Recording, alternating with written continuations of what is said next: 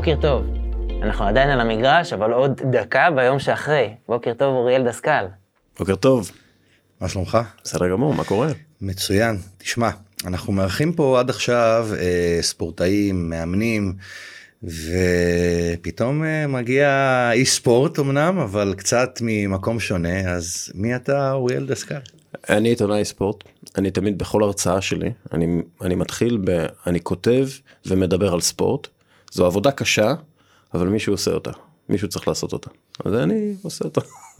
אני מדבר על, אני הרבה שנים בספורט, הרבה מאוד uh, שיחות עם אנשי ספורט, הרבה מאוד, uh, עובד הרבה עם מחקרים על ספורט, מקבל מחקרים על ספורט כל הזמן, כל הזמן חוקר את העניין הזה של, של הספורט, ספורט מקצועני בעיקר, אבל גם הרבה עניינים של תשתיות ושורשי הספורט והיסטוריית ספורט.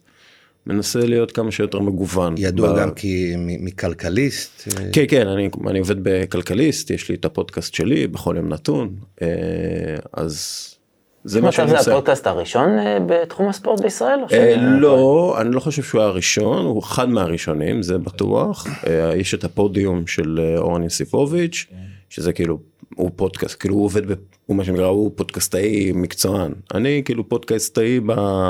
בנשמה. בנשמה, שחקן נשמה, שחקן חובבה. לא, אני פודקאסטאי כאילו, אה, יש לי את העבודה שלי כעיתונאי בכלכליסט ואני גם עושה את הפודקאסט. תראה, אני, אני יכול להגיד שאני קורא גם הרבה כתבות שלך, בעיקר בפייסבוק. והכתבות שלך קודם כל אה, עם הרבה מאוד רגש, עם הרבה מאוד מידע, אה, ואתה גם לפעמים חושף הרבה דברים שאתה מרגיש שהלוואי וה, והאנשי ספורט בישראל, אלה שקובעים, אלה שמקבלים את ההחלטות, שזה ייגע בהם. שזה ייגע בהם. ואני באמת שואל, האם יש לך איזושהי מטרה שאתה עושה, שאתה אומר את הדברים שלך? זאת אומרת, אתה רוצה שמשהו, אה, שזה ייגע באיזה מישהו, שיקרה האם, איזשהו משהו? האם יש לי אג'נדה נסתרת לדברים שאני כן, כותב? כן. אמ, אני הבנתי בשלב מאוד מוקדם שספורטאי אני לא אהיה. ספורטאי מקצוען אני לא אהיה. כי אני לא גבוה מספיק, אני לא אתלט מספיק, אני לא מוכשר מספיק. אה, אבל כן, אני אוהב ספורט מהיום שאני זוכר את עצמי. ואני רוצה, כאילו כל ספורט, אני זוכר את עצמי יושב מול אולימפיאדה ו, ומוקסם מזה, כאילו לא יכול להוריד את העיניים בתור ילד קטן. כדורגל, הייתי, אני זוכר כאילו את עצמי יושב מול ברזיל, איטליה במונדיאל 94, לא זוכר כיתה ה' ואני לא זוכר כבר את הזה, אני רק זוכר את הזה, ופשוט בדפיקות לב מטורפות, בלי בכלל רצון שמישהו ינצח או מישהו יפסיד, כאילו פשוט מהחוויה עצמה. אז, אז אני אוהב את הספורט ואני רוצה שהספורט יהיה טוב יותר, יהיה, יהיה מוצר טוב יותר, בגלל שאני מהעולם הזה של הכלכלה, אז אני רוצה שהמוצר יהיה מוצר טוב יותר. מה זה מוצר טוב יותר? זה מוצר שכל מי שעוסק בו, טוב לו בו. אם זה האוהדים, אם זה בעלי הקבוצות, אם זה השחקנים, אם זה הסוכנים. אני רוצה שהמקום הזה, העולם הזה, היוניברס הזה, שנקרא ספורט, ספורט ישראלי בפרט, יהיה טוב יותר. ואני לא חושב שאני חולק, האנשים בתוך הספורט חולקים את אותו רצון שלי. אין לי, הרבה פעמים אומרים לי, אה, אתה עושה, פעם האשימו פעם האשימו אותי ממנהלת הליגה, שאני כותב דברים רעים על הכדורגל הישראלי, בגלל שאני מרוויח מזה כסף. בגלל שאני עושה הרצאות על ההבדל בין הכדורגלן האירופאי לכדורגלן... בוא, אתה כתב בכלכליסט, מיליונר אתה לא. קודם כל, קודם כל... בוא נשים את זה ככה. קודם כל הכסף שלי, מה שנקרא, אני עושה בעסקים אחרים. אה, כנראה. עסקים שלא קיימים. אבל אפילו אני אגיד איזה משהו קטן. כאילו כל פעם האג'נדה הנסתרת הזאת. הזמנתי את אוריאל לאיזה הרצאה בפרויקט מצוינות שלי. אוקיי. אז הוא אמר, הוא אפילו ציין משהו אחד שאני מרשה לעצמי להגיד את זה עד היום. את כל מה שאני עושה בהרצאות אני שם בצד לבן שלי. כן זה נכון. נכון. כן תראה איזה חשיבה. לא כי אני לא שוב מיליונר אני לא אהיה מהספורט. מה לעשות שוב אני לא מוכשר מספיק בשביל זה אבל אני מרוויח סבבה הכל טוב כסף אני לא מרוויח מ- מלרדת על שחקנים ישראלים קודם כל אני לא יורד על שחקנים ישראלים כי אני מסביר את הקונטקסט של למה הם לא טובים כמו השחקנים האירופאים. אני מסביר את הקונטקסט במחקרים, בנתונים, במה שאני רואה על המגרש, בטקטיקות, בהבנה, בשיחות עם אנשים מחו"ל, בשיחות עם אנשים מישראל. ככה אני מסביר, זה העבודה שלי. אז כאילו, בתוך המינהלת, כעסו עליי שכתבתי משהו רע על הזה והוצאתי איזה נתון מהקשר. בקיצר, אז הרצון שלי הוא תמיד, האג'נדה הסודית שלי, שיהיה פה טוב יותר לכולם שעוסקים בספורט. זה האג'נדה שלי, האג'נדה הסודית. סורוס מממן אותי, לא סתם. אני אחדד את השאלה של אילן, האם קרה משהו שכתבת כתבה ספציפית, וזה התחולל שינוי מסוים? או שזה שינוי גם באווירה, בתפיסה, שזה גם מצוין. תראה, אני, אני יודע עכשיו, ניקח דוגמה אחרונה, דניאל זילברשטיין עושה סדרת כתבות על uh, הבעיות הנפשיות של שחקנים. נכון. הוא עושה סדרת כתבות, סדרה במגרש. מאוד חשובה, לבד במגרש, מאוד חשובה, בערוץ הספורט, שחקנים ישראלים. זה. עכשיו, הוא לא היה עושה, והוא אמר לי את זה גם כן, הוא לא היה עושה את זה בלי, בלי שאני הייתי עוסק בעניינים האלה של, ה, של, של הנפש של השחקן והנפש של העובד בתעשייה הזאת שנקראת תעשיית ספורט, אם אני לא הייתי עוסק בזה באובססיביות, יש לומר, מאז אה, שרוברט אנקה התאבד. רוברט אנקה שוער נבחרת גרמניה. כן, היה שוער ברצלונה. שוער ברצלונה, יש שם הספר עליו, אה, ספר חובה. לכל מי שעוסק בספורט, כי בעצם מאז אני סוג של אובססיבי לגבי כל מה שקשור לבעיות נפשיות של, של, של הספורטאי ושל העובד המרכזי בתעשייה הזאת, כלומר בלי הספורטאים אין את התעשייה, כן? אה, הרבה פעמים אוהדים אומרים, אנחנו, אם אנחנו לא נגיע למגרשים אין, אין ספורט. לא, ראינו את זה עכשיו, כאילו. עדיין לא היה, אבל זה לא אותה אווירה. נכון, זה לא אותה אווירה. מן הסתם אוהדים מוסיפים המון, מוסיפים הרבה, מוסיפים המון אחוזים. כן, אבל מי, ש, מי שאחראי על התעשייה זה הספורטאים המקצועיים. אז כאילו אתה עוסק בזה, אז הנה למשל זה עוסק. אבל היו כל מיני, אחד מהדברים הכי מתסכלים בספורט הישראלי, שאתה יכול לעסוק בתחקיר, אתה עובד, אתה מגלה אתה יושב מול דוחות, אתה מגלה כל מיני דברים הזויים, כל מיני העברות כספים משונים בקבוצות ליגת על, ואתה הולך לרשויות, אם זה, אם זה לרשויות הספורט או אם זה לרשויות המרכזיות, okay. אוקיי. ולא אכפת להם. אוקיי, בסדר, פה היה 200 אלף, פה 400 אלף וזה, אבל לא אכפת להם כי זה לא גדול, כי זה לא... ביג מאני. זה כן. לא ביג מאני. ואז זה, זה מתסכל אבל כן היה פה היה פה שם שינוי פה הצלחתי לגרום לאיזה שינוי פה איזה אבל אין אין אה, אין תחקיר שאתה מפוצץ משהו וזהו זה הנה שיניתי את העולם עם התחקיר הזה אין, אין כמעט דברים כאלה. יש חלום משהו לנפץ איזה משהו מסוים? דרך אגב. זה גם כן משהו שאני כותב עליו הרבה אני מתעסק הרבה בהלבנות הון בדרך אה, כדורגל. אוקיי מדהים. אני, אני מאוד מקווה שבוא נגיד שכתבות שלי ודברים שאני כתבתי עזרו בחלק מהחקירות. בוא נגיד את זה ככה. אני מקווה. וואו, נושא מטורף, יכול להיות גם אפילו מאוד רלוונטי לאור מה שקורה פה אני, בכדורגל, אני לא כן. לא רוצה לציין שמות יותר מדי, אבל נראה לי שכולם יכולים כן. לעשות אחד ועוד אחד. אז אני, אני לא, לאורך, לאור לאורך השקעות במטבעות וירטואליים, כן. שאתה לא יודע לפעמים מה הסורס, מה כן. מקור הכסף. אז אני כותב הרבה על הדברים האלה, זה שוב, אה, כן, פעם האשימו אותי שאני פופוליסט, אמרתי, פופוליסט שעוסק בדיכאונות של ספורטאים והלבנות הון דרך ספורט זה לא כזה פופוליסטי. אבל זה. אז תגיד רגע, אה, אה, אתה רושם הרבה מאוד דברים, ואם נלך לספורט הישראלי בכללותו, אתה טוען שאחת הבעיות מתחילה בעצם ב... ב... בילדים. בשורשים. כן. בשורשים, בילדים, במה שקורה בתחילת הדרך. ואנחנו רואים שדווקא יש אה, מקצועות ספורט שאנחנו מתחילים אה, להרים דברים יפים, אה, כמו ניקח לדוגמה ג'ודו, אה, ויש עדיין אה, מקצועות ספורט שבהם אנחנו אפילו הולכים אחורה. בוא ניקח כדורגל טוב. בוא ניקח כדורגל, כן. אמ, אתה מכיר את זה מספרד. כש, כשנכנסים למועדון, מועדון כדורגל, מה החיים שלו? מה ה- הלב הפועם שלו? זה אקדמיה בדרך כלל, מועדון ספורט, אנחנו מדברים על מועדון ספורט. זה רואים את הילדים האלה מתאמנים ו- ואולי הם, הם מסתכלים על השחקנים המבוגרים וגדלים לתור, הם רוצים להיות שם. זה כאילו הנגיעה הראשונה שלך בעולם הכדורגל זה כילד זה זה זה אקדמיה אתה נכנס לתוך מועדון ספורט ואתה הופך לחלק ממנו. ומה קודם כל אין מספיק בישראל אין מספיק אין מספיק מועדונים ספורט גם אם אתה רוצה אם אתה בפתח תקווה באיזה שכונה מסוימת אתה אתה, יהיה מאוד קשה כאילו להגיע כל יום להתאמן בקבוצה מסוימת. אוקיי, אני סתם אמרתי פתח תקווה, זה נכון לאשדוד, זה נכון לתל אביב, זה נכון להרבה מקומות. עכשיו בספרד יש לך מועדון ספורט כמעט בכל שכונה. יש לך מגרש ספורט בכל שכונה וכולי. וזה הבסיס.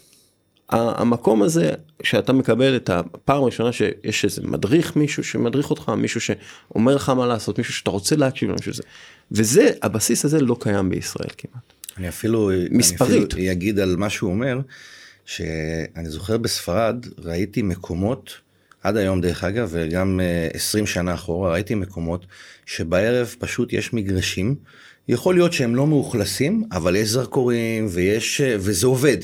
ופה, אתה יודע, הכל נהיה מסחרי. הכל ממש נהיה מסחרי, אתה יודע, אתה חייב אה, אה, ש, שיהיה לך איזשהו אה, תשלום לאיזשהו מקום מסוים בשביל לשחק כדורגל, אפילו בתור ילד. כן. זה גם את זה, אבל, אבל לדעתי יש פה גם עוד בעיה של איזה חינוך מגיל צעיר לתוצאה, מבלי להבין את הדרך. זה, זה, זה, בעיה, ו... זה בעיה שעל הבעיה... והקמפיין שלנו, של הנבחרת, זה ממש סיכום העניין של כן, זה. מבחינתי כן. זה כמו תמונת מראה. אומרים לך, הגענו למקום שלישי, מבחינתי איפשהו התקדמנו, כדורגל היה שמח, היינו לא רעים בכלל. ההגנה לא משהו, אבל סך הכל היינו ממש בסדר. אבל רק להסתכל על התוצאה, לא על הדרך, וזה בדיוק ככה עם הילדים. אין שום בניית תשתית. אנחנו בקושי, יש לנו 110 אלף ספורטאים בישראל. נכון. דיברתם על מתקנים, אין לנו ספורטאים בכלל. אוסטריה, אוקיי, שאנחנו מתחרים נגדה באותו הבית כבר כמה פעמים ברציפות, יש להם מיליון ספורטאים רשומים. נכון. לנו יש רק 100 אלף.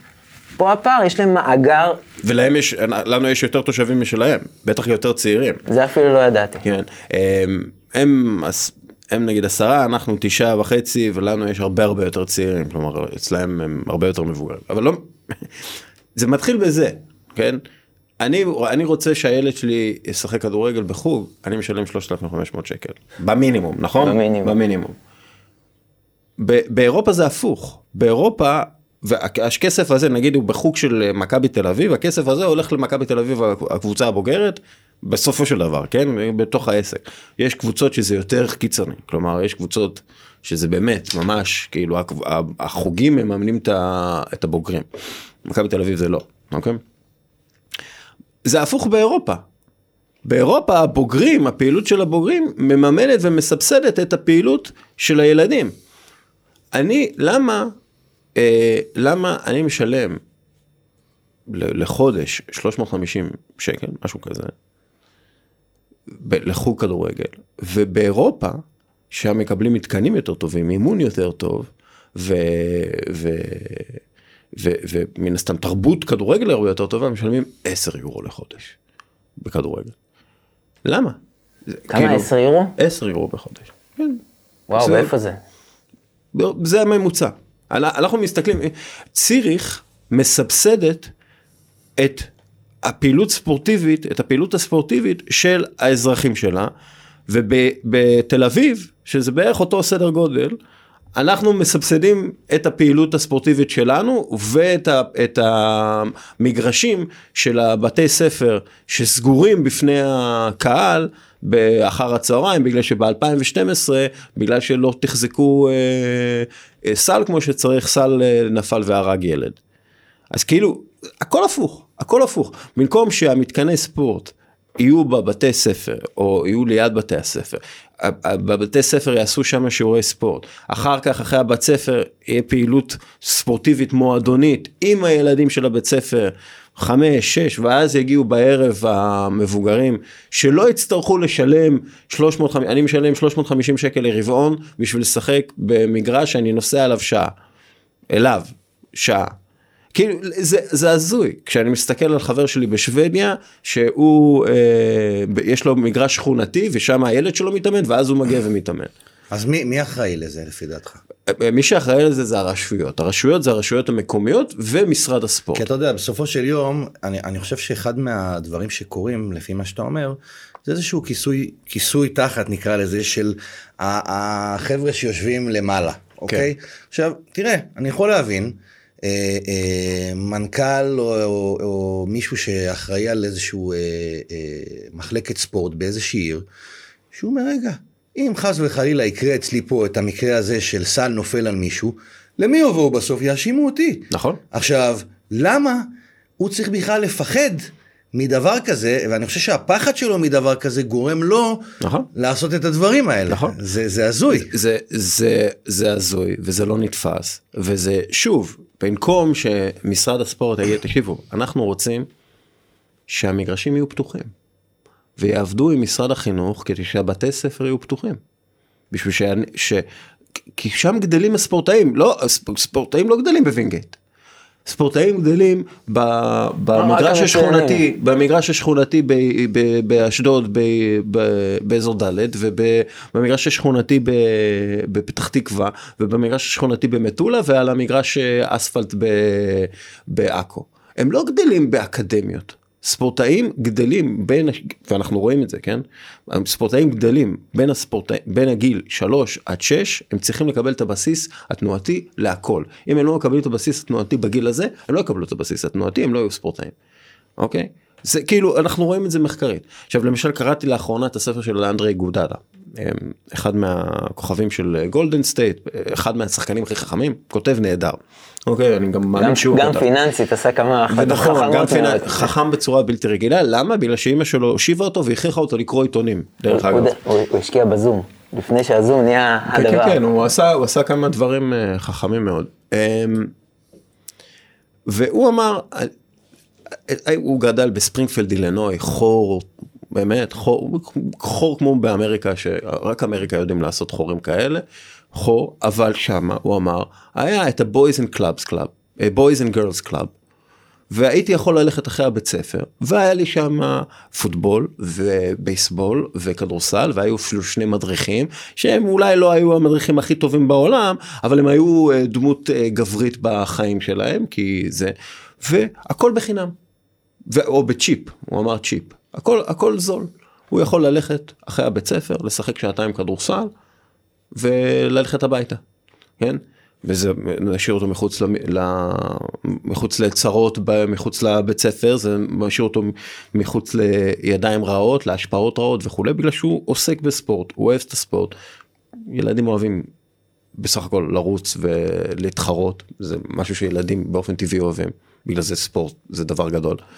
והיה לו את זה. והוא אומר, לא, מש... לא משנה כמה זה היה גרוע המתקן, או כמה זה היה עלוב, היה את המתקן. פה אין את זה. פה, במקרה הטוב, אתה לוקח את הילד לחוג בקאנטרי, אחרי הבית ספר, אבל זה עולה הרבה כסף, כי מן הסתם זה, או שאתה לוקח אותו, אתה מסיע אותו לחוג, כן, מלביש אותו עם כל הבגדים וכולי, שקנית במיטב כספך, ו- ומסיע אותו לחוג. אין את הבסיס הזה של ספורט בתוך השכונה, של עזבו מדריכים. כן, תפתחו את המגרשים, תפתחו את המגרשים שיוכלו לשחק. יש פערים כלכליים בעצם באוכלוסייה גם, וזה, ובדיוק. אז אתה אומר הבעיה גם נמצאת אצלנו בעצם ההורים, כי אתה יודע, בסופו של דבר, אני אגיד לך אוריאל, אני זוכר את עצמי כילד, אני אמנם עשיתי קריירה ככדורגלן, אבל אני חושב שכילד הייתי ספורטאי.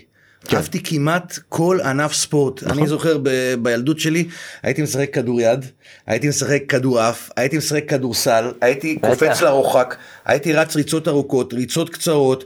אה, אה, ובשכונה היית משחק כדורגל. אפילו אני, אה, כן, בדיוק, כן. בדיוק, אפילו אני זוכר, היה איזה, איזה מקצה שהייתי ילד, נקרא שוודי. אתה זוכר מה זה? 400, 300, 200, 100, זה נקרא מקצה שוודי, לא משנה. אתה יודע, דברים ש, שבתור ילד אני זוכר את עצמי ככה. עכשיו, אני חוזר רגע לתחילת השיחה שלנו, אני מבין מאוד מאיפה זה מגיע אצלו, כי אנחנו בתקופות שלנו, אני זוכר שדיברנו פעם אבידור, שהיינו יושבים, רואים אולימפיאדות, רואים דברים, אני זוכר אפילו אנחנו... היינו במגרש, ההורים היו צריכים לקלוט אותנו. מאותו דור שקם בארבע בבוקר וראה את אלי אוחנה עושה את הגול הזה כן, כן, כן. באוסטרליה. זה הדור הזה. ואתה יודע, השאלה שלי אם, אם אנחנו, אנחנו עצמנו, ההורים היום, אה, הורסים לילדים שלנו באיזושהי צורה, זה, זה גם שאלה, או שחוסר מודעות. אני חושב שזה תלוי תשתיות. אם יש בכל שכונה, אם יש בכל שכונה מה זה מועדון ספורט? מתנ"ס ספורט, כן? בכל שכונה יש מתנ"ס, יש מרכז קהילתי, שיש שם גם מגרש. אם יש שם מגרש שהוא פתוח וילדים יוכלו לשחק בו, ישחקו, ישחקו בו. אתה, אתה מגיע, אתה אומר לילד, תקשיב, יופי, סבבה, אנחנו, אנחנו נתראה בשש בערב, תשחק אחרי הכדור, זה מה שאני הייתי עושה, כן? אם הוא אוכל ארוחת צהריים בבית, יוצא אחר כך עם כדור, סבבה.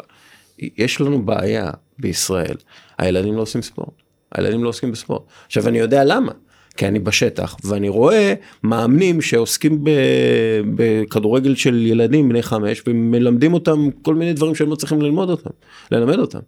או מלמדים אותם לא טוב, כי אף אחד לא לימד, אני לא כועס על המאמן, אף אחד לא לימד את המאמן איך, לג... איך, איך, איך לדבר עם ילדים, איך לעסוק עם ילדים, כן? אז אה, אני רואה, אני עובר ליד החוגים, אני רואה שפעם היה שם 20 ילדים, עכשיו יש שם חמישה ילדים. עכשיו תגיד לי, יש... ואז החמישה עשרה ילדים האלה לא יחזרו לשחק כדורגל, כאילו, לא יחזרו, לא, לא אוהבים כדורגל, לא ישחקו כדורגל בשכונה.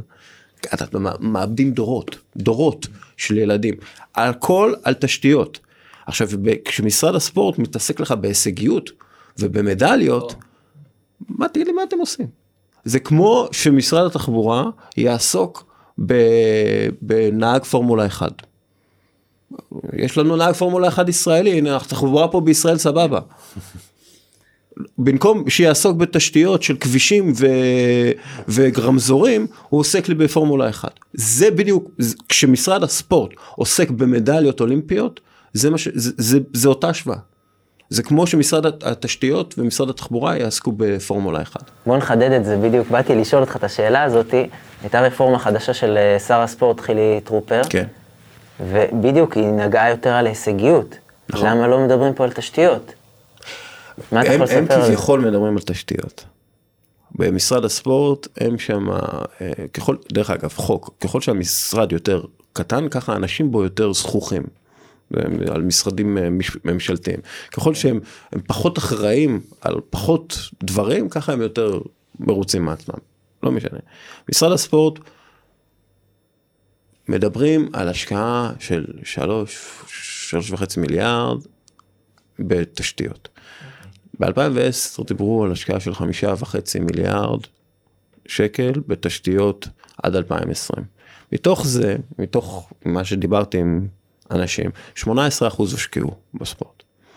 אתה לוקח חמישה וחצי מיליארד בישראל, אתה יכול לבנות 20 אלף מגרשים עם תאורה, 20 אלף מגרשים עם תאורה.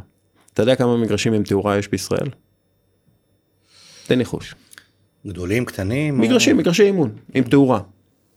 בגלל איך שאתה, איך שאתה מתנסח, אז אני, זה, בוא נגיד שאם הייתי, בלי שהייתי ככה, את ה context, אז הייתי אומר 20 אלף, אבל עכשיו הייתי מוריד את זה אפילו ברבע. 80. מה זה? 80. 80. מגרשי אימון לכדורגל עם תאורה, 80. מגרשי דשא. אף אחד לא מתאמן על... אוקיי, לא, לא. אה, כן. מגרשי דשא, אוקיי, לא אספלט. לא, לא, אני... אוקיי. תראה, קודם כל, דרך אגב, היום לשלוח את הילד לשחק על אספלט, אתה לא רוצה. אני רוצה שהוא ישחק על, כאילו, אנחנו לא, אני, אני, אני הייתי, גן שעשועים שאני שיחקתי עליו היה עם אספלט וזה הייתי נופל הייתי יש לי עדיין צלקות מזה כן okay. אוקיי. היום זה עם uh, ספוגים כזה כי אתה לא רוצה שהילד שלך ייפול ויקרא את ה... אז 80 מגרשים סינתטיים או דשא? 80 מגרשי אימון עם תאורה. עכשיו זה זה מביך זה מספר מביך, זה מספר שצריך להביך את משרד הספורט. משרד הספורט צריך להיות, להתבייש בעצמו על זה שזה מה שיש, אוקיי? עכשיו בסך הכל, כן, יש לך, כשאתה עושה חישוב, יש לך איזה 220 ילדים על מגרש, מגרש אימון, 220 ילדים, שבאירופה, כן, הסטנדרט זה לא יותר מ-60. כאילו, כאילו אנחנו, אנחנו לא בכיוון בכלל, אנחנו לא בכיוון. אוקיי? באיטליה אתה הולך לכל כפר, כפר של עשרת אלפים איש, יש שם שני מגרשים. שני מגרשים שהילו לאימון בגלל שצריך שני מגרשי אימון לחמשת אלפים תושבים. כאילו יש את הסטנדרט הסטנדרט הזה. עכשיו אתה מדבר עם משרד הספורט. אין לו את הסטנדרטים האלה. ההוא מדבר כן סבבה אני אביא מהכסף משם ואני אשתף פעולה שם וליברמן יעשה, יעשה אישור ושטויות צריך תוכנית לאומית, יש כסף, יש את הכסף של הזה, צריך תוכנית לאומית, צריך רשות מבצ... מבצעת שתגיע לרשות מקומית, זאת אומרת, יש לכם 200 אלף תושבים, יש לכם שני מגרשים, זה עלוב, אנחנו רוצים להעביר אתכם לסטנדרט של מגרש לעשרת אלפים תושבים, אוקיי? זה, זה ככה צריך לעבוד, אוקיי? עכשיו, נגיד נורבגיה, אני הולך, נתלה באילנות הכי הכי הכי הכי גבוהים, אוקיי? נורבגיה. הם בשנות ה-80 הם הגיעו למסקנה שהילדים משועממים מדי, הספורט לא טוב, הילדים לא עושים מספיק ספורט. ספורט חשוב, החברה הגיעה למסקנה שזה חשוב, חשוב בריאותית, חשוב התנהגותית, חשוב, חשוב, חשוב, אוקיי? הם אמרו, אנחנו צריכים שהילדים יעשו ספורט. מה אמרו? יהיה מגרש, אנחנו עושים סטנדרט מגרש שיהיה בו ספורט. כל סוג ספורט, יהיה מגרש אתלטיקה, יהיה כדורסל, יהיה כדורגל, מגרש, יהיה התחום שאליו בכל כפר, שאפשר לפקוח את העיניים ולראות מה יש. בכל כפר ילד מסיים את הבית ספר, הולך למגרש הזה, פוגש, אולי יש שם איזה קנטינה, משהו שיכול לאכול, מועדון כאילו, שהוא נפגש זה. ארלינג הלנד, ארלינג הולנד, החלוץ האגדי, כן? הוא התחרה בכדוריד, בכדורעף, בכדורסל, אוקיי? הוא עדיין מחזיק בשיא העולם לקפיצה מהמקום עבור ילד בן חמש, אוקיי? כלומר הוא אתלט, אבל זיהו אותו, זיהו אותו שם. הוא קיבל את, את כל הגיוון התנועתי. היום הוא לא נע כמו אה, כדורגלן, הוא נע כמו ספורטאי. הוא רץ כמו ספורטאי. הוא רץ מדהים. כן, ושוב, זה, זה, זה מפלצת שרצה כמו ספורטאי, כן? זה לא זה. היה איזה קטע שראיתי ביוטיוב שהוא חילץ איזה כדור בהגנה. ורץ להתקפה במתפרצת כן. והוא רץ עקף את כולם. הוא, הוא, הוא, הוא... ולא מסרו לו בסוף נכון? נכון, כמו מכונה. ממש כמו שהוא אומר ממש אז עכשיו יש את הספורט יש המון מלא ספורטאים נורבגים כולם ספורטאים כן כולם עם גיוון תנועתי. והכל זה תשתיות הכל זה אנחנו מחליטים שזה ש... אנחנו מחליטים שהילדים שלנו יעשו ספורט אז אנחנו נבנה להם את המקומות שבהם הם יעשו את הספורט ויש שם מאמן ואנחנו נסבסד את, את הקורס של המאמן אחרי השירות הלאומי שלו, מה שזה לא יהיה, אנחנו נסבסד שיהיה לו את העבודה. והרשות המקומית משלמת לו כסף טוב כדי שיהיה שם 3-4 שעות עם, ה, עם הילדים אחרי בית ספר. זאת הדרך היחידה. אתה יודע מה המודל בשוויץ? אני מבחינתי אני רואה את שוויץ כדוגמה הכי מדהימה שיש. שוויץ? כי אני רק אחדד את זה, כי אני מסתכל על, המשחק שאז היה את ה-2-2 המפורסם עם, עם בניון, וממש היינו, אתה יודע, לקראת עלייה, ושוויץ וישראל, אתה יודע, הסתכלנו עליהם בעיניים, ופתאום איפה שוויץ? היא עולה למונדיאלים, וליורו, ומגיעה רחוק לכל במקרה, כל פעם חדש. במקרה גדלתי בשוויץ. במקרה, חלק מהילדות שלי הייתי בשוויץ. המודל שם? המודל שם זה מגרש ספורט שאתה לא עובר את הכביש שלו. יש לך מגרש ספורט. ליד, הבית, ליד הבית שלי היה מגרש אתלטיקה קטן עם uh, טרק, היה כזה נינג'ה כזה, עוד... זה היה הצבא, זה משרד הביטחון שלהם שם, הציב את זה כל מיני מתקנים כאלה שאתה יכול uh, לעשות עליהם טיפוס וכאלה. והייתי יכול לסיים בית ספר וללכת לשם, והייתי משחק שם. הייתי, עבדתי על הביתות החופשיות שלי שם, הייתי בועט ביתות חופשיות לאח שלי. זה מה שהייתי עושה. והיה לי מגרש, זה פשוט עניין של תשתיות. זה, זה, זה העניין. טוב, אז תשתיות, תשתיות או לא להיות, אבל בואו בוא נעבור קצת אה, נושא. נדבר קצת על אה, טיפה כדורגל עולמי, בדגש קצת על הפן גם הפיננסי שבו.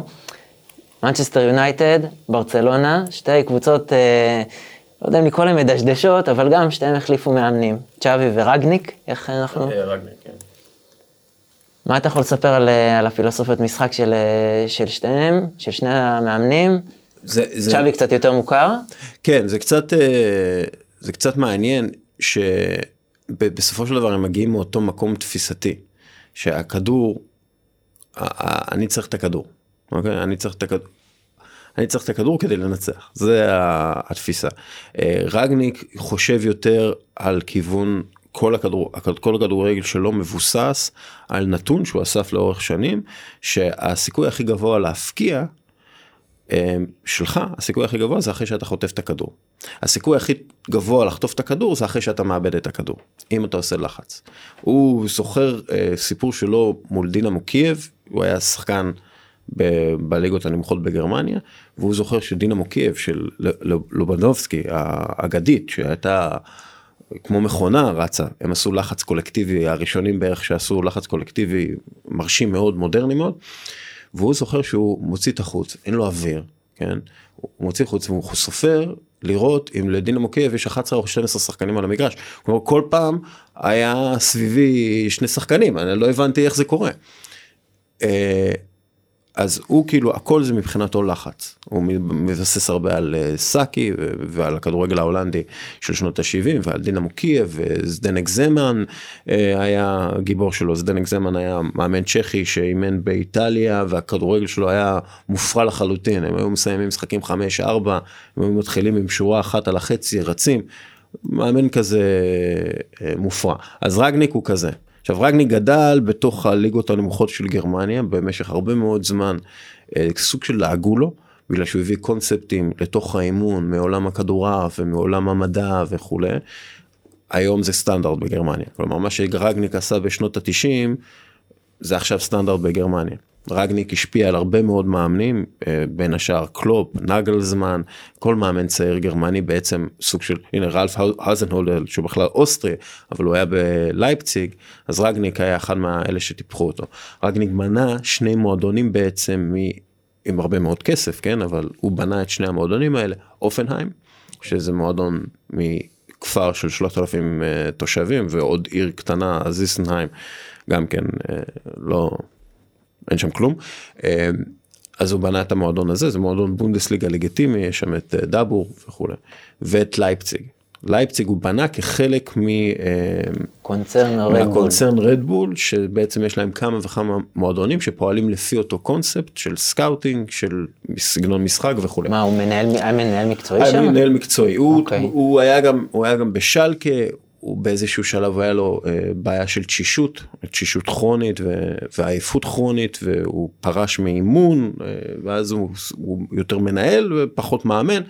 הוא מגיע למנצ'סטר יונייטד כדי לאמן בחצי שנה הבאה ואז הוא יהיה כאילו יועץ מקצועי. לבנות עם, תשתית יותר. לבנות תשתית כי מנצ'סטר יונייטד יש לה תשתית כלכלית מצוינת כן, להבדיל מברצלונה. הם, הם, הם עובדים לזה. טוב מאוד כדי להשיג כל מיני חסויות uh, יין מצ'ילה וחסויות uh, קונדומים רשמיים מסינגפור, כאילו זה, זה ככה הם עובדים. ומבחינה מקצועית אין להם שם מבנה מקצועי. אז הם כאילו מביאים את רגניק בשביל ש... שבעצם ייתן להם איזשהו מבנה הוליסטי יותר. רעיוני יותר. כמובן שלמאצ'סטר יונייטד יש אקדמיה מצוינת שמייצרת שחקנים. מאז אלכס פרגוסון הם לקחו אליפות? לא, לא, מה פתאום. לא, כישלון מתמשך. ון חל היה שם, גם לא הלך, מוריניו. עזב, אז בעצם היה חילוף דור, שדרך אגב קורה גם עכשיו בברצלונה, יש חילופי דורות. לכן שמתי את זה באותו משפט. והחילוף דור הזה, לא עשה את שלו, כאילו, השאלה אם עכשיו גם קורה איזשהו אה. חילוף דור, כי אם מביאים את רונלדו בגיל 37 שיציל אותם, אז... אה, למשל, למשל אחד, אה, רגניק בחיים לא היה מביא את רונלדו, אוקיי? כי הוא הם הביאו את סנצ'ו וורן, ורן מן הסתם זה בלם שמוסיף המון, לידו ארי מגווייר היה יכול להיות יותר טוב, לא משנה, זה, זה בלם רציני, כן? לא נכון. אלוף עולם, אלוף אירופה, זה לא, זה בלם רציני במחיר טוב. שבעיניך הוא בירידה, זה שחקן היור, שיש לו... היורו שלו האחרון היה זוועה, ראיתי אותו בלייב מול שווייץ. זה שחקן, כן, זה שחקן אבל עם המון ניסיון, בלמים בכלל, זה חשוב מאוד אצלנו. הוא יותר טוב מלינדלוף, זה, זה. חד משמעית. ואז הוא, הוא אם אני חושב כמו רגניק אז היה לו אה, את ברונו פרננדז ופול פוגבה ומאחוריהם פרד מקטומני או פרד או מה שזה לא יהיה ואז שלישייה קדמית מאוד דינמית. שרצה ועושה לחץ וסנצ'ו או גרינווד וראשפורד או מרסיאל קוואני גם יכול לעשות את זה רונלדו לא לוחץ ואנחנו רואים את זה בנתונים הוא לא לוחץ הוא לא מפעיל את הלחץ. ורגניק בעצמו אמר אין דבר כזה אה, חצי לחץ, אין דבר כזה, זה כמו חצי הריון, הוא אמר. אין דבר כזה קצת, לעשות קצת לחץ, להיות קצת בהיריון. אתה, או שאתה בונה על, על הלחץ, וזה חלק מהאסטרטגיה והסגנון שלך, או שאתה לא. ו... ועם רונלדו אתה לא יכול לבנות על לחץ. ניסו את זה ביובנטוס, הוא, הוא כבש הרבה כי הוא כובש, זה העבודה שלו, זה מה שהוא עושה טוב, אבל הקבוצה לא שיחקה טוב. פרויקט רונלדו, ב... רונלדו עצמו לא נכשל ביובנטוס, פרויקט רונלדו נכשל. מה זה נכשל? הם עכשיו ב... נלחמים על הירידה בערך. הם במצב לא טוב, גם מבחינה כספית וגם מבחינה מקצועית. כן, ויש פה שערוריות של הלבנות הון אולי. כן, כן. רישום כוזב, זה עוד יותר מעניין, לא סתם. זה רישום כוזב, אבל זה... אז, אז, אז הם הביאו את, את רונלדו, למה? בשביל שלמנצ'סטר סיטי לא יהיה אותו. הם לא, זה לא איזה תפיסה מערכתית מקצועית, זה מה שרגניק אמור להביא להם. בברצלונה, אחד מהסיפורים שאני הכי אוהב על uh, צ'אבי, ושמעתי את זה, uh, אלכס חלב, זוכרים אותו? היה, בטח, היה, בלרוסי. בלרוסי, uh, קשר uh, יצירתי כזה שהגיע מארסנל לברצלונה, ואיך שהוא הגיע הוא, לברצלונה, הוא ביקש מהאודי, שזה נותן את החסות הראשית, הוא ביקש את האוטו הכי מהיר שלהם. את האוטו הכי יפה והכי מהיר. והם נותני חסות, אז כאילו הם עושים את זה, וצ'אבי אמר לו, לא, לא. לא, אנחנו לא עושים את זה פה. זה, אנחנו נוסעים בהאודי הטובה והאיכותית והצנועה. בתור שחקן הוא אמר את זה. אחד מהדברים הראשונים שהוא עשה בברצלונה הנוכחית זה להעביר אותם מהמועדון, ממלון הפאר שהם היו ישנים בו לפני משחקים למלון צנוע יותר. התפיסה שלו היא תפיסה קטלונית, מקומית, ברצלונאית, קלאסית. אנחנו מגיעים צנוע, אנחנו מגיעים קטנים, אנחנו מגיעים עם הסגנון שלנו, עם הצניעות שלנו, עם המוסר עבודה שלנו, אנחנו לא מועדון של כוכבים. נכון, היה לנו את מסי, היה לנו את רונלדיניו, היה לנו זה, אבל אנחנו לא מועדון של כוכבים. אנחנו מועדון של עבודה, של, אנחנו לא ריאל מדריד, אנחנו לא הסגנון של ריאל מדריד. ריאל מדריד, אין מצב הגלקטיקו זה המהות כן, איפשהו. אין להם, נכון, אבל זה לאורך השנים ככה, זה דיסטפנו ופושקש וזה, וזה סבבה, אני לא אומר שברצלונה יותר טובה. זאת אומרת שהביאו את אה, זידן ובקאם ופיגו, היה את רונלדיני שהוא היה צנוע יותר, הביאו אותו רק ב-30 מיליון יורו, ואז הייתה את ההפתעה נכון, הענקית. נכון, ומי, אגב, מי, מי השחקן הכי חשוב בקיקסטארט של אה, ברצלונה? שיחק שם חצי שנה. אדגר דוד, לדעתי. אדגר דוד, בדיוק. למה? הוא הגיע והראה להם איך לעבוד. הראה להם איך לעבוד בקישור, איך זה, איך זה. והוא שינה את התפיסה של איניאסטה וצ'אבי והרבה מהשחקנים שם. אז פפ גורדיאולה זה קלאסי. פפ גורדיאולה זה קלאסי ברצלונה, כן? זה התפיסה. אז זה, זה מה ש... קודם כל זה מה שצ'אבי מחזיר. עזוב, לפני כל ה-4-3-3, 4-2-1, להחזיר לא את הצ'אנס ללמסיע. הוא מחזיר, לא, ערכים. Okay. הוא אוקיי. בונה, יש את הערכים, אתם רוצים להיות חלק מהערכים האלה, סבבה, אתם לא רוצים להיות חלק מהערכים האלה, אתם לא תהיו פה, כן? לא כל שחקן מתאים לברצלונה, כן? יכול להיות השחקן הכי טוב בעולם, אבל אם הוא לא שחקן שיודע לשחק כמו ברצלונה, להתנהג כמו ברצלונה, הוא לא יצליח. הילך זלטן כאילו. איברהימוביץ'. גם. אוקיי? כן. עכשיו מסי גדל לתוך זה, ובגלל סיטואציות פוליטיות גדולות ממנו, הוא בעצם הפך לברצלונה, הפך להיות ה... פה, ה... פה הייתה הטעות. אני, נכון? אני כאוהד ברצלונה, כן. אני ממש, חזרת תקופות אחורה, אני ממש מרגיש שכל פעם שהשחקן המרכזי, השם שלו עלה לפני הקבוצה, למשל, בוא נחזור אחורה אפילו ריבלדו, אז הייתה את הנפילה. ברגע שריבלדו היה יותר גדול מהקבוצה, ברצלונה עם התקופה של ההולנדים, טראח התרסקה. רונלדיניו הגיע לפאר שלו, ואז פתאום מה, התרסקה. מה ועכשיו מסי, ארבע שנים אחרונות, וואלה, ברצלונה לא פוגעת. נכון. אני כאוהד ברצלונה, זה נכון, מה שאני רואה. מה, מה פפ עשה, הדבר הראשון שפפ עשה? הוא העיף את רונלדיניו. עכשיו אתה אומר זה מה זה הזוי כאילו מה אתה מעיף את השחקן שוב הוא היה השחקן הכי טוב בעולם. אולי הריסט הזה של מסי זה דבר טוב. נכון בלי אם הוא לא היה מעיף את רונלדינו לא היה מסי. עזוב את הכלכלי את הצד הכלכלי נכון, שאפשר היה להתמודד. נכון אם לא היה אם היה רונלדינו לא היה מסי. אוקיי. כאילו לא, כמה שרונלדיניו טיפח את מסי ואהב את מסי וזה, הוא לא בישל את הגול הראשון. נכון. איזה משחק. זה היה, אני זוכר גם את המשחק, זה היה על בסטה.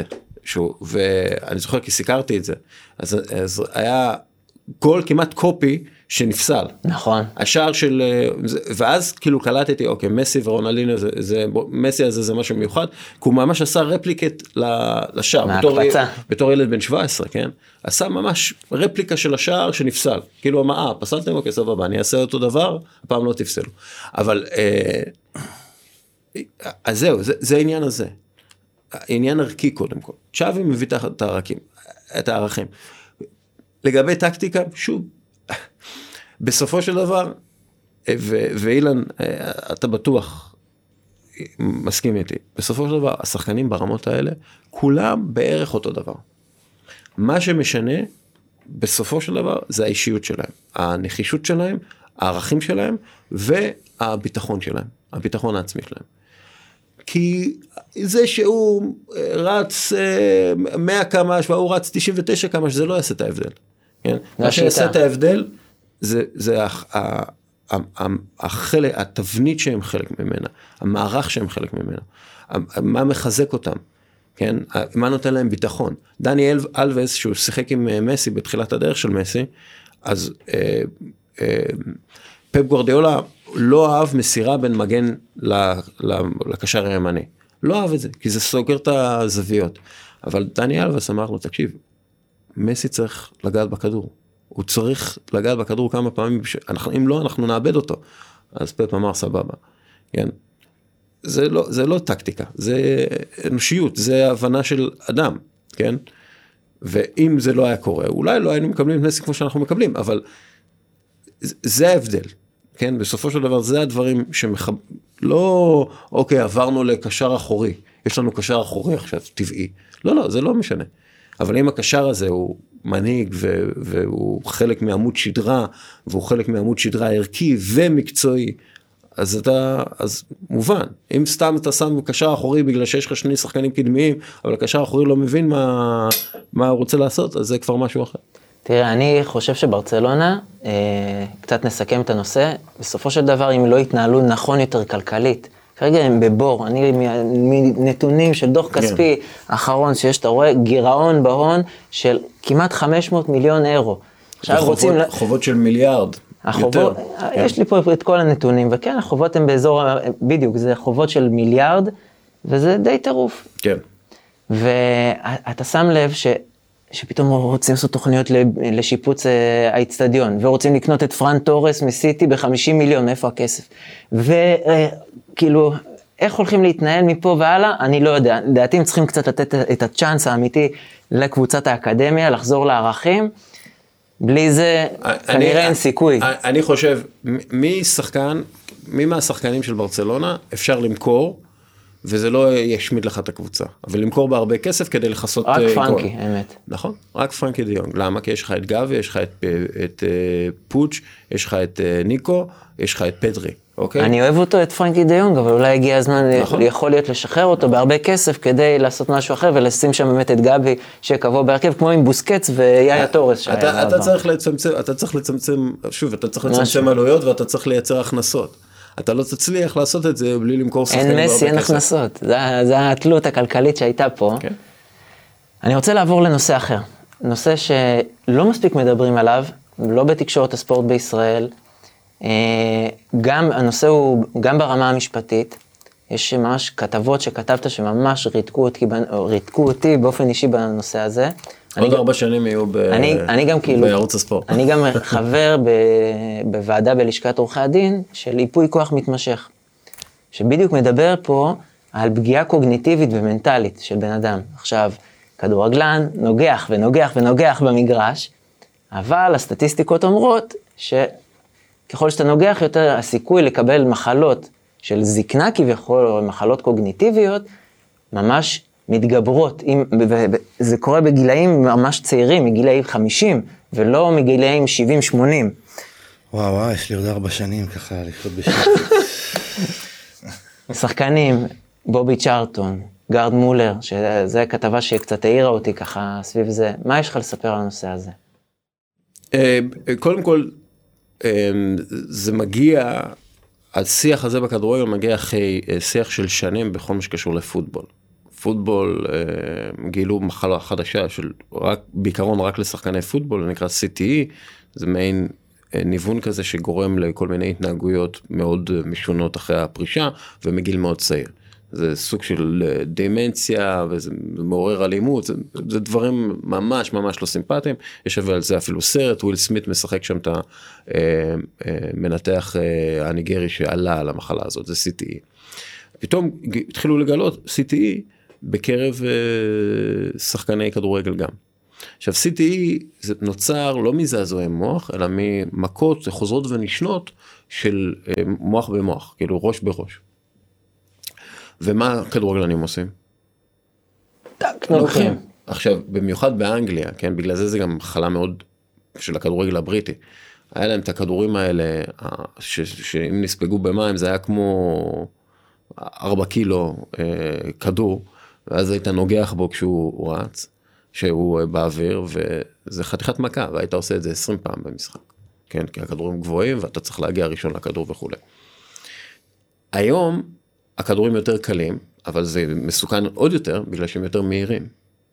אוקיי? ואז זה פיזיקה פשוטה, כן? אם זה יותר מהיר זה, זה עושה אימפקט יותר גדול על הראש, למרות שזה פחות כבד.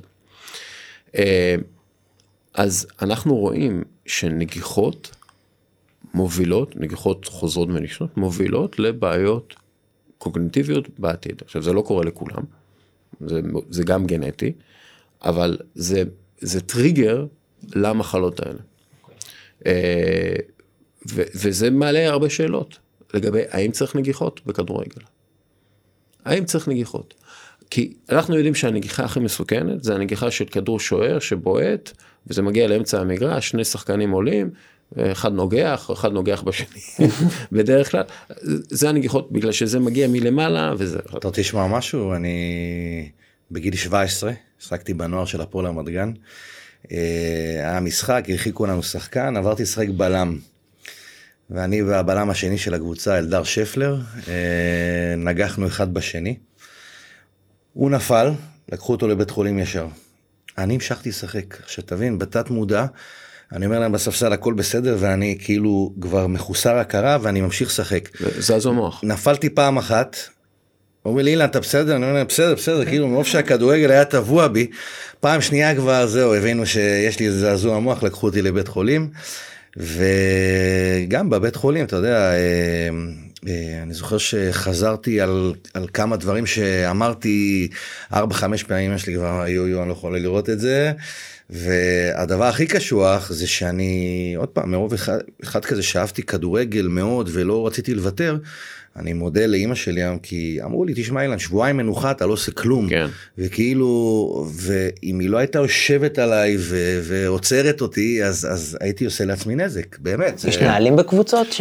זהו יש עכשיו נהלים יש נהלים חדשים שנכנסו לפי דעתי השנה או שנה שעברה ש, שברגע שיש אה, חשש לזיו, לזעזוע מוח אפשר להחליף שחקן ולהכניס שחקן שזה לא נחשב כחלק מהחילוף.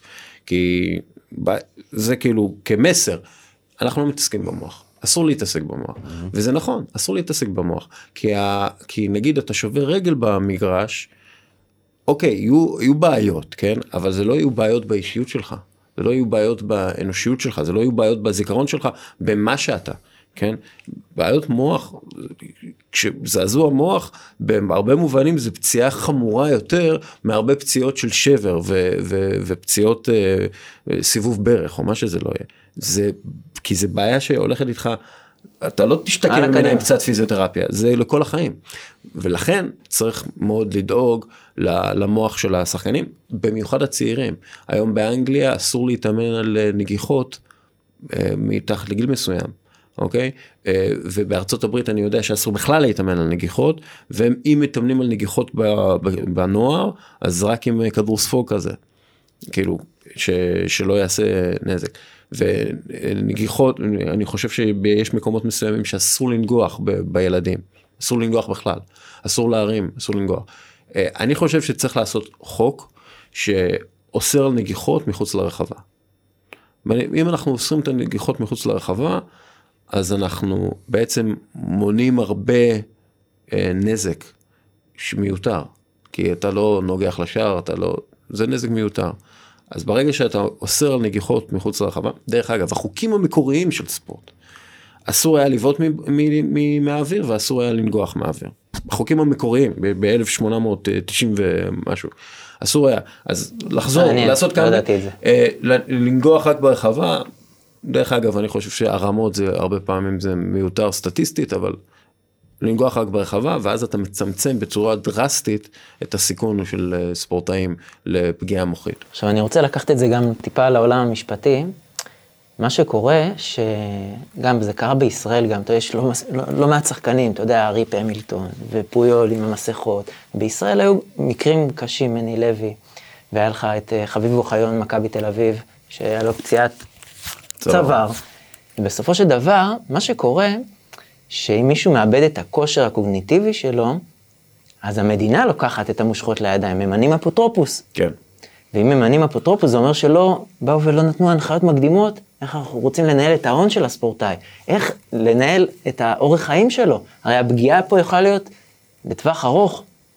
לכן חשוב, אני חושב לפחות, שצריך לבוא ולערוך, ואז צריך לבוא משהו עם הקבוצות, עם, עם המינהלת של הכדורגל, כדורסל, עם, האר, עם ארגון השחקנים, צריך לערוך לכל הספורטאים מיפוי כוח מתמשך. לתת פה איזה סוג של אה, אה, הנחיה מקדימה, איך אנחנו רוצים לחיות חלילה אם קרה לנו משהו. הרי הסטטיסטיקה, שאתה תחטוף את הנגיחה הזאת בראש, או שיהיה לך את הזעזוע מוח, הנה, זה כבר קרה לאילן בגיל 17. אילן, כמה שנים שיחקת בלי הפרשות לפנסיה בספורט בישראל? עזוב אותך אישית שאתה הפרשת. זה נושא אחר. כמה, כמה, כמה שנים שיחקת? שיחקתי בבוגרים, כאילו... כן, כן. 14 שנה. 14 שנה בלי הפרשות פנסיה. שאלה, שכאילו כמו, אנחנו עובדים היום, כן? אנחנו, אנחנו, אנחנו עובדים כשכירים עם חוזה, אנחנו הפרשות פנסיה, זה חובה. אנחנו, כן? חובה. בספורט, בכדורגל ישראלי זה לא היה.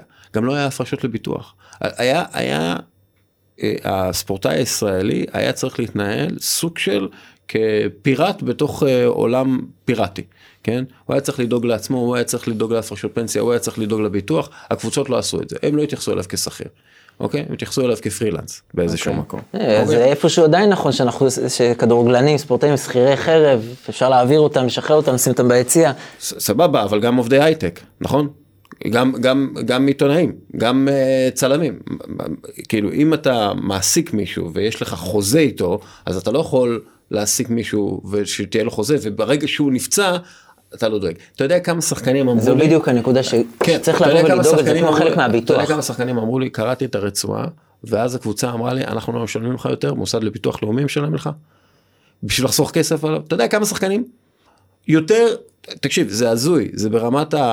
אה, מישהו שעובד במסעדה וחותך את היד ולא יכול להגיש, וכאילו אומרים לו, תקשיב, אה, אנחנו אתה, אנחנו לא משלמים לך, אתה עובד מסעדה פה, כן? אז, אז ככה אתה מתייחס לספורטאי שלך? ככה אתה מתייחס כאילו הוא עובד מסעדה? זה דבר אחד. דבר שני, אנחנו הולכים לבסיס של החוקים, חוק, חוק הספורט בישראל. אוקיי. Okay. אם אני עומד מול שר הספורט, היום אני אומר לו, תקשיב, אתה חייב לשנות את חוק הספורט. משנות ה-80, כן, לא יכול להיות שספורטאי בישראל, גיל 18, מגיע לגיל 18, אין לו חוזה, לא מקבל חוזה, כן? אבל לא יכול לעבור לקבוצה אחרת. זה, זה, זה, זה פשוט תפיסתית, זה הזוי. זה כאילו אנטי כדורגל מאז, מאז 1900, אנחנו עדיין בישראל, אנחנו חיים מלפני 1995 בכדורגל. בגלל זה הכדורגל שלנו נראה ככה. דיברנו על התשתיות בהתחלה. כן, כן, הכדורגל, גם זה, זה תשתיות חוקיות. כן, לגמרי. השחקן היום הוא גם ללא חוזה, תקשיב, תקשיבו את האבסורד, גם ללא חוזה, מגיל 18 עד גיל 24, שייך לקבוצה שכביכול גידלה אותו, כן? והוא לא יכול לעזוב, אלא אם כן אה, ישלמו פיצוי לקבוצה שלו. כן. אוקיי? שדרך אגב, כן, הספורטאי הזה, ההורים שלו שילמו כדי שיהיה חלק מהקבוצה פי אה, עשר אה, יותר ממה שהמקביל שלו האירופאי שמשתחרר בגיל 18 אם הוא לא מקבל חוזה, ואם הקבוצה רוצה להשאיר אותו, אה, על חוזה אחר היא צריכה להשוות את השכר שהוא מקבל, יש כל מיני חוקים שם שמגנים עליו, אוקיי? כאילו זה הזיה.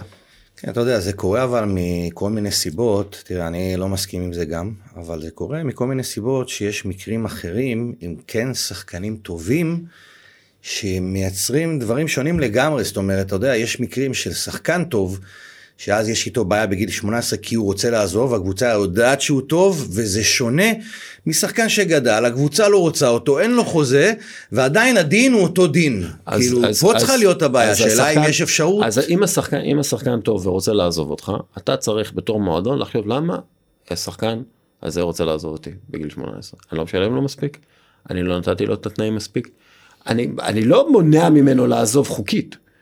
מה זה הדבר הזה? אגב, זה גם מה שמונע מקבוצות להשקיע בעצמן ולהשקיע במעטפת שלהם. כי ברגע שעבר חוק בוסמן, קבוצות הבינו, אנחנו מקומות עבודה.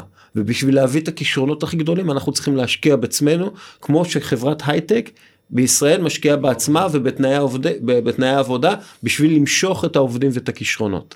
כן? פה בישראל אומרים, לא, למה שאנחנו נשקיע בעצמנו? אנחנו, יש לנו, ככל, אותם, יש לנו אותם כעבדים. ככל שאנחנו נשקיע בעובדים שלנו, בשחקנים, ככל שנשקיע וניתן באמת גם את ההפרשות לפנסיה, גם את אותם ביטוחים רפואיים מתקדמים, גם את אותו ייפוי כוח מתמשך לדעתי, שלוקח את השליטה לידיים, לקבוצות ולשחקנים עצמם, להורים, מאשר שהמדינה תבוא ותנהל את זה, לתת את התשתית שהעובד יהיה מרוצה, ככה העובדים, השחקנים לא ירצו לעבור כל הזמן. אילן, לא כמה, הבעיות, כמה לא. שחקנים אתה מכיר שפציעה אחת קשה גמרה להם את הקריירה? הרבה. הרבה. היום, עם הטכנולוגיה שיש היום, אתה יכול לקרוא את הרצועה שלך בגיל 18, ובגיל 22 תהיה לך רצועה יותר חזקה, אוקיי? ותהיה יותר חזקה, למה? בגלל טכנולוגיה, בגלל שיפורים וזה, זה, אנחנו רואים את זה, אנחנו רואים, היום תראה את קווין דורנט, כן. אבל, כ... אבל תראה אוריאל, אתה יודע, אתה עושה הרבה מחקרים, כן. אוקיי? אז בואו ניקח בקטע הזה ונודה, השחקן האירופאי מבריא הרבה יותר מהר מפציעת ספורט מאשר השחקן כי הישראלי. כי יש לו את השיקום של הקבוצה, כי יש לו את הפיזיותרפיסט הצמוד של הקבוצה, כי יש לו את, את הקבוצה לוקחת אותו לניתוח ביד. היא לא שולחת אותו כמו שקרה לי ואני מקבל אני יכול להראות לכם אסמסים של כדורגלנים. הוא אומר נפצעתי שלחו אותי בקב, בוואטסאפ של הקבוצה שלחו אותי אנחנו לא אמרו לנו אנחנו לא מתמודדים עם זה אנחנו המוסד לביטוח לאומי מתמודד עם זה. ליגת על. ליגת על, ליגת על, כן? במקום שיהיה פיזיותרפיסט צמוד, שיעזור לו וישקם אותו, ואחר כך יעשה איתו אימונים, זה, זה בדיחה. הרבה נקודות למחשבה. אה, אני חושב שזה דברים שצריכים לעבור הלאה, לארגונים, לעבור באמת מלמעלה, לחשוב באמת איך אה, לתפעל את הקבוצה, את התשתיות, את, ה, את החוזים, שהם יהיו חוזים יותר הוגנים מול השחקנים. כדי באמת לתת להם את האפשרות זה, לשחק. זה, זה חוזר לה, להתחלה, כן, שאני רוצה, אני רוצה שה, שהספורט יהיה תעשייה יותר, יותר טובה. בריאה ויותר טובה לכל מי שנמצא בה. לפני uh, סיום, אז אני ככה רוצה לשאול אותך קצת על הספר החדש ש... שאתה כותב, ואתה פתחת גם הדסטארט, כן. בוא תספר קצת על זה. הספר נכתב כבר, הוא עכשיו עובר הגאות, ואני עכשיו מגייס כסף, כסף כדי אה, להוציא אותו. אני עושה את זה דרך הדסטארט, כי כשהגעתי אה, להוצאה, להוצאות, אה, וסיפרתי, אמרתי להם, אני רוצה לספר את הסיפור של ברוך דגו. ההוצאות הסתכלו עליי כאילו בקטע של... מעניין? כן, משהו כזה. ברמת ברמת, הגעתי אליהם עם לספר סיפור על נמלה שחצתה את הכביש, זה, זה ככה אה, נראה, נראה הזיה. מה אתה רוצה? אבל הסיפור של ברוך דגו, ואני לא מגזים, זה הסיפור הכי דפוק שהיה בכדורגל הישראלי אי פעם. אחד מהסיפורים הכי דפוקים, ברמה בינלאומית. אנחנו מדברים, יש כל כך הרבה, הוא, הבן אדם הגיע לשיא המקצועי ולשפל של החיים שלו באותו רגע. באותו, באותם רגעים ממש הוא היה בשיא המקצועי ובשפל אנושי ובשפל גם סוג של מקצועי בגלל שהיה עוד שחקן בעולם שכשחקן צעיר של מועדון כובש שערים בליגת האלופות מנצח משחקים מוביל את הקבוצה לאליפות והאוהדים צועקים לו בוז ומקללים אותו קללות גזעניות, לא היה דבר כזה. בכל העולם. אז זה הסיפור של ברוך דגו, זה חלק מהסיפור של ברוך דגו. כי היה שם הרבה ממה שאני דיברתי לכם עכשיו, על, על, ה, על הבעיות שיש במחלקות הנוער, על בעיות שיש ב, בקבוצות הכדורגל, ובעיות שיש בכדורגל הישראלי, שלא פתרו עדיין. ואני לוקח את ברוך דגו באמת שעות על גבי שעות של, שעות על גבי שעות של שיחות איתו, ודיברתי עם הרבה מאוד אנשים כדי לייצר את הספר הזה, יותר מ-200 איש. ואני לוקח אותו צעד צעד בקריירה שלו, בחיים שלו, מגיל חמש שהוא זוכר את עצמו, את הכדרורים הראשונים שלו, אני לוקח אותו יד ביד ואני קודם כל רואה איך הוא הפך לכדורגלן שהוא, שהוא כדורגלן מאוד מוכשר, הנער הכי, הכי יקר בכל הזמנים עד מאור בוזגלו, הנער הישראלי הכי יקר עד מאור בוזגלו. ואז אני לוקח אותו במעלות האלה המטורפות, שוב, החליק אה, כיפים עם אה, נדווד, שיחק אחד על אחד עם וזלי סניידר, נלחם נגד מיכאל בלק, הוא היה בפסגה של הפסגה, בטופ של הטופ, באותו שלב הוא בשפל נוראי, אז אני לוקח אותו באק"ג הזה של, של הקריירה שלו, ואני רוצה לראות, גם עם, עם הסגנון שלי ועם המחקרים שאני משתמש בהם ובידע שיש לי, לראות מה גרם למה, מה השפיע על מה, איך הוא הגיע ל, לרמה הזאת, ובאותו רגע היה גם בשפל, איך הפציעות חיסלו לו את הקריירה, אבל איך הוא הצליח להשתקם למרות הפציעות. כאילו, אז אני מסתכל על הקריירה שלו, עושה אותה איתו, צעד אחר צעד, יחד עם מחקרים, וזה זה, זה ספר...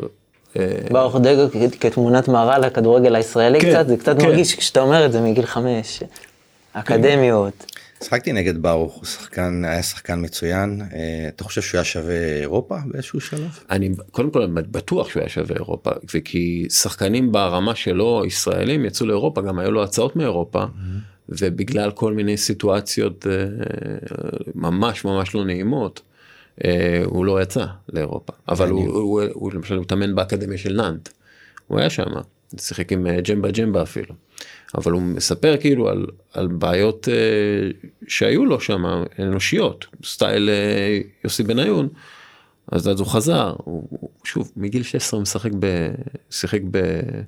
בעירוני אשדוד, עכשיו הוא מנהל הספורטיבי של עירוני אשדוד, שזה אה, סגירת מעגל מאוד יפה. אז זהו, זה, זה הסיפור על ברוך דגו.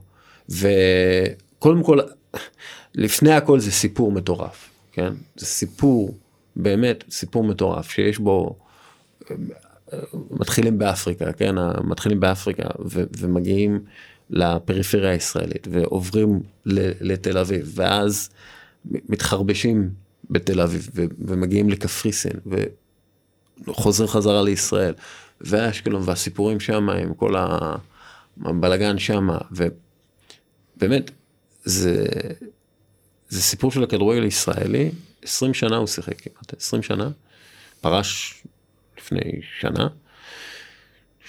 שנה, כן, נראה לי. אה, אבל באמת יש, יש שם את הכל שצריך על הכדורגל הישראלי וגם להבין אותו ולברוך עצמו היה חשוב מאוד שהספר יהיה סוג של אה, אה, מדריך או, או, או, או מזהיר לא מדריך מזהיר לכדורגלנים צעירים. אז זה, זה הספר. אנחנו מגייסים עכשיו כספים. שיהיה בהצלחה. תודה. בדיוק, אז כל מי ששומע. אפשר לגייס, דרך אגב, אפשר לגייס דרך הרצאות למשל שאני עושה, הרצאות שברוך עושה. מדהים, נשים לינק. אה, כן. נשים לינק גם לאדסטארט, למה לא? כן. נשמח לפרגן על זה. תראה, בכל זה פרק, אנחנו, יש לנו את פינת הטיפים שלנו. עכשיו, פינת הטיפים בדרך כלל לספורטאים, אנחנו אומרים להם, מה אתה יכול לספר לנו מהקריירה שלך, שהוביל אותך להצלחה. במקרה שלך קצת שונה, בכל זאת. אין לי קריירה. לא, עיתונאי, אבל אולי אנחנו נשמח לאיזה פינת טיפים, אולי לשיפור, משהו שבתשתיות פה, שדיברנו עליהם כל כך, משהו לשיפור הספורט הישראלי, שיהיה באמת בטוב, משהו אחר קצת, אז שלושה טיפים ממך לכדורגל, לספורט הישראלי. אני, אני אקח את הכל מ, מאירופה, אוקיי? הם שם מבינים עניין, נכון? טיפה יותר מאיתנו. מן הסתם. בנורבגיה יש אמנה לשמירה על הילד בספורט. ילד נורבגי רוצה לעזוב את הקבוצה שלו, יכול לעזוב, כי המטרה של המדינה זה שהילד יעשה ספורט וישחק עם חברים שלו, ושלא יהיה אסיר של קבוצה.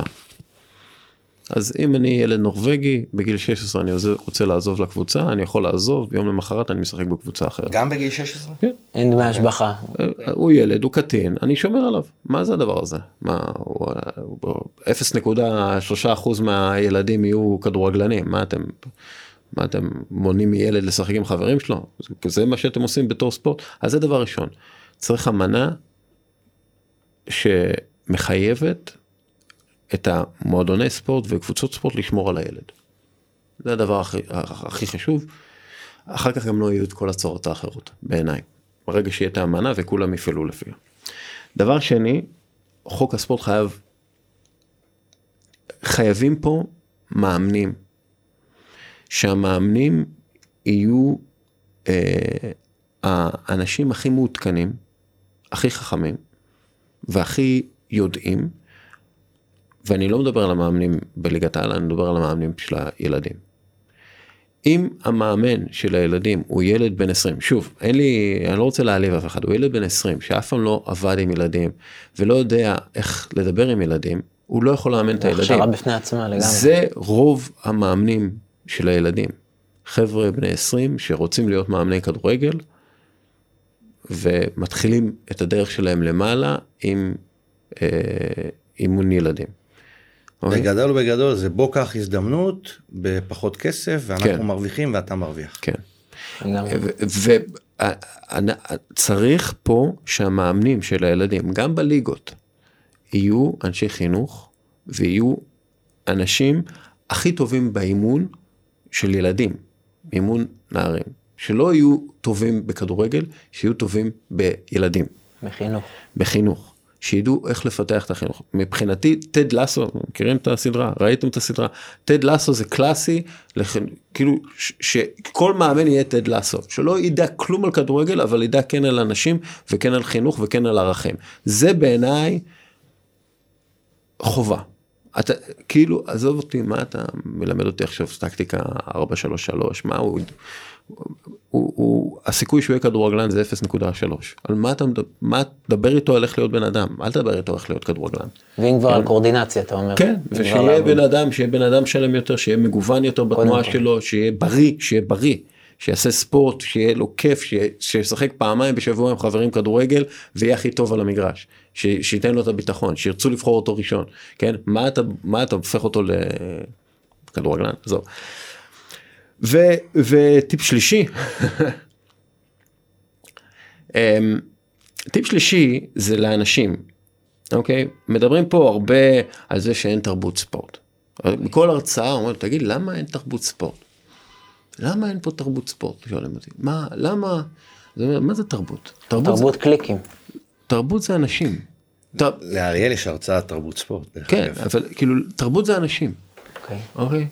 זה, זה לא, זה, תרבות זה לא איזה משהו שנוחת עליך מלמעלה ואו עכשיו אני תרבותי. לא, אתה התרבות, אוקיי? אז אם אתה בוחר להיכנס לאתר שמביא אותך אליו בשביל לעסוק בציצים של החברה של הכדורגלן, אפשר להגיד ציצים, כן? פה אנחנו אין פה פילטר, קוראים לאולפן נו פילטרס בכלל. אז, אז, אז אתה בעיה, לא האתר, כן? אם אתה, אה, במקום להאזין לפודקאסט ספורט איכותי, אה, אני לא אומר בכל יום נתון, יש, כי יש הרבה אחרים, אוקיי? אם זה הפודיום, אם זה, אם זה פוט, של פוטבול דסק, יש מלא, כן? אה, חולה על כדורגל של יוסי דלן, יש מלא. עוסקים בכדורגל, עוסקים בתרבות של הכדורגל, עוסקים ב... אם אתה מקשיב לתוכנית רדיו ששם צועקים אחד על השני, ולא לפודקאסט, אז אתה הבעיה. אתה הבעיה התרבות של הספורט. ברגע שאתם המאזינים, אתם תהיו חכמים יותר בצריכת מידע וידע ו- והבנה, יהיה פה תרבות ספורט יותר טובה. זה, זה, זה הטיפ השלישי. כלומר, אין מה לעשות, בסופו של דבר זה אתם מקבלים את ההחלטות, ואם אתם נכנסים, אז אתם ממשיכים את התרבות הרעה. כן? אם אתם רואים אה, תוכנית שבה צועקים אחד על השני כל הזמן, ולא מדברים על ספורט, אלא מדברים על כל השיט מסביב, אז אתם הבעיה, כן? אם אתם עוסקים כל היום בשיחות אה, וואטסאפ אה, בספורט, אה, מכבי, מכבי יש רק בחיפה, חיפה, אז אתם הבעיה, לא התקשורת, כן? וזה זה מה ש... עם זה אני אסכם. מעולה, טוב, אז למדנו המון היום. ושיהיה לך המון בהצלחה, אנחנו מאוד אה, מקווים בשיחה שחלק מהדברים שלך יועברו הלאה וייושמו ויופנמו על ידי האנשים הנכונים, הספורטאים, ההורים, האנשים שקובעים בעולם הספורט. ו... זה ממש אחת הסיבות שהזמנו אותך לפה כדי לאורח שיח תרבותי אחר שמדבר ככה על ה basic, שמשהו קצת ישתנה. מקווה, מקווה שזה יעזור. תודה רבה רבה. תודה לכם. אז כל הפרקים אה, זמינים בכל האפליקציות.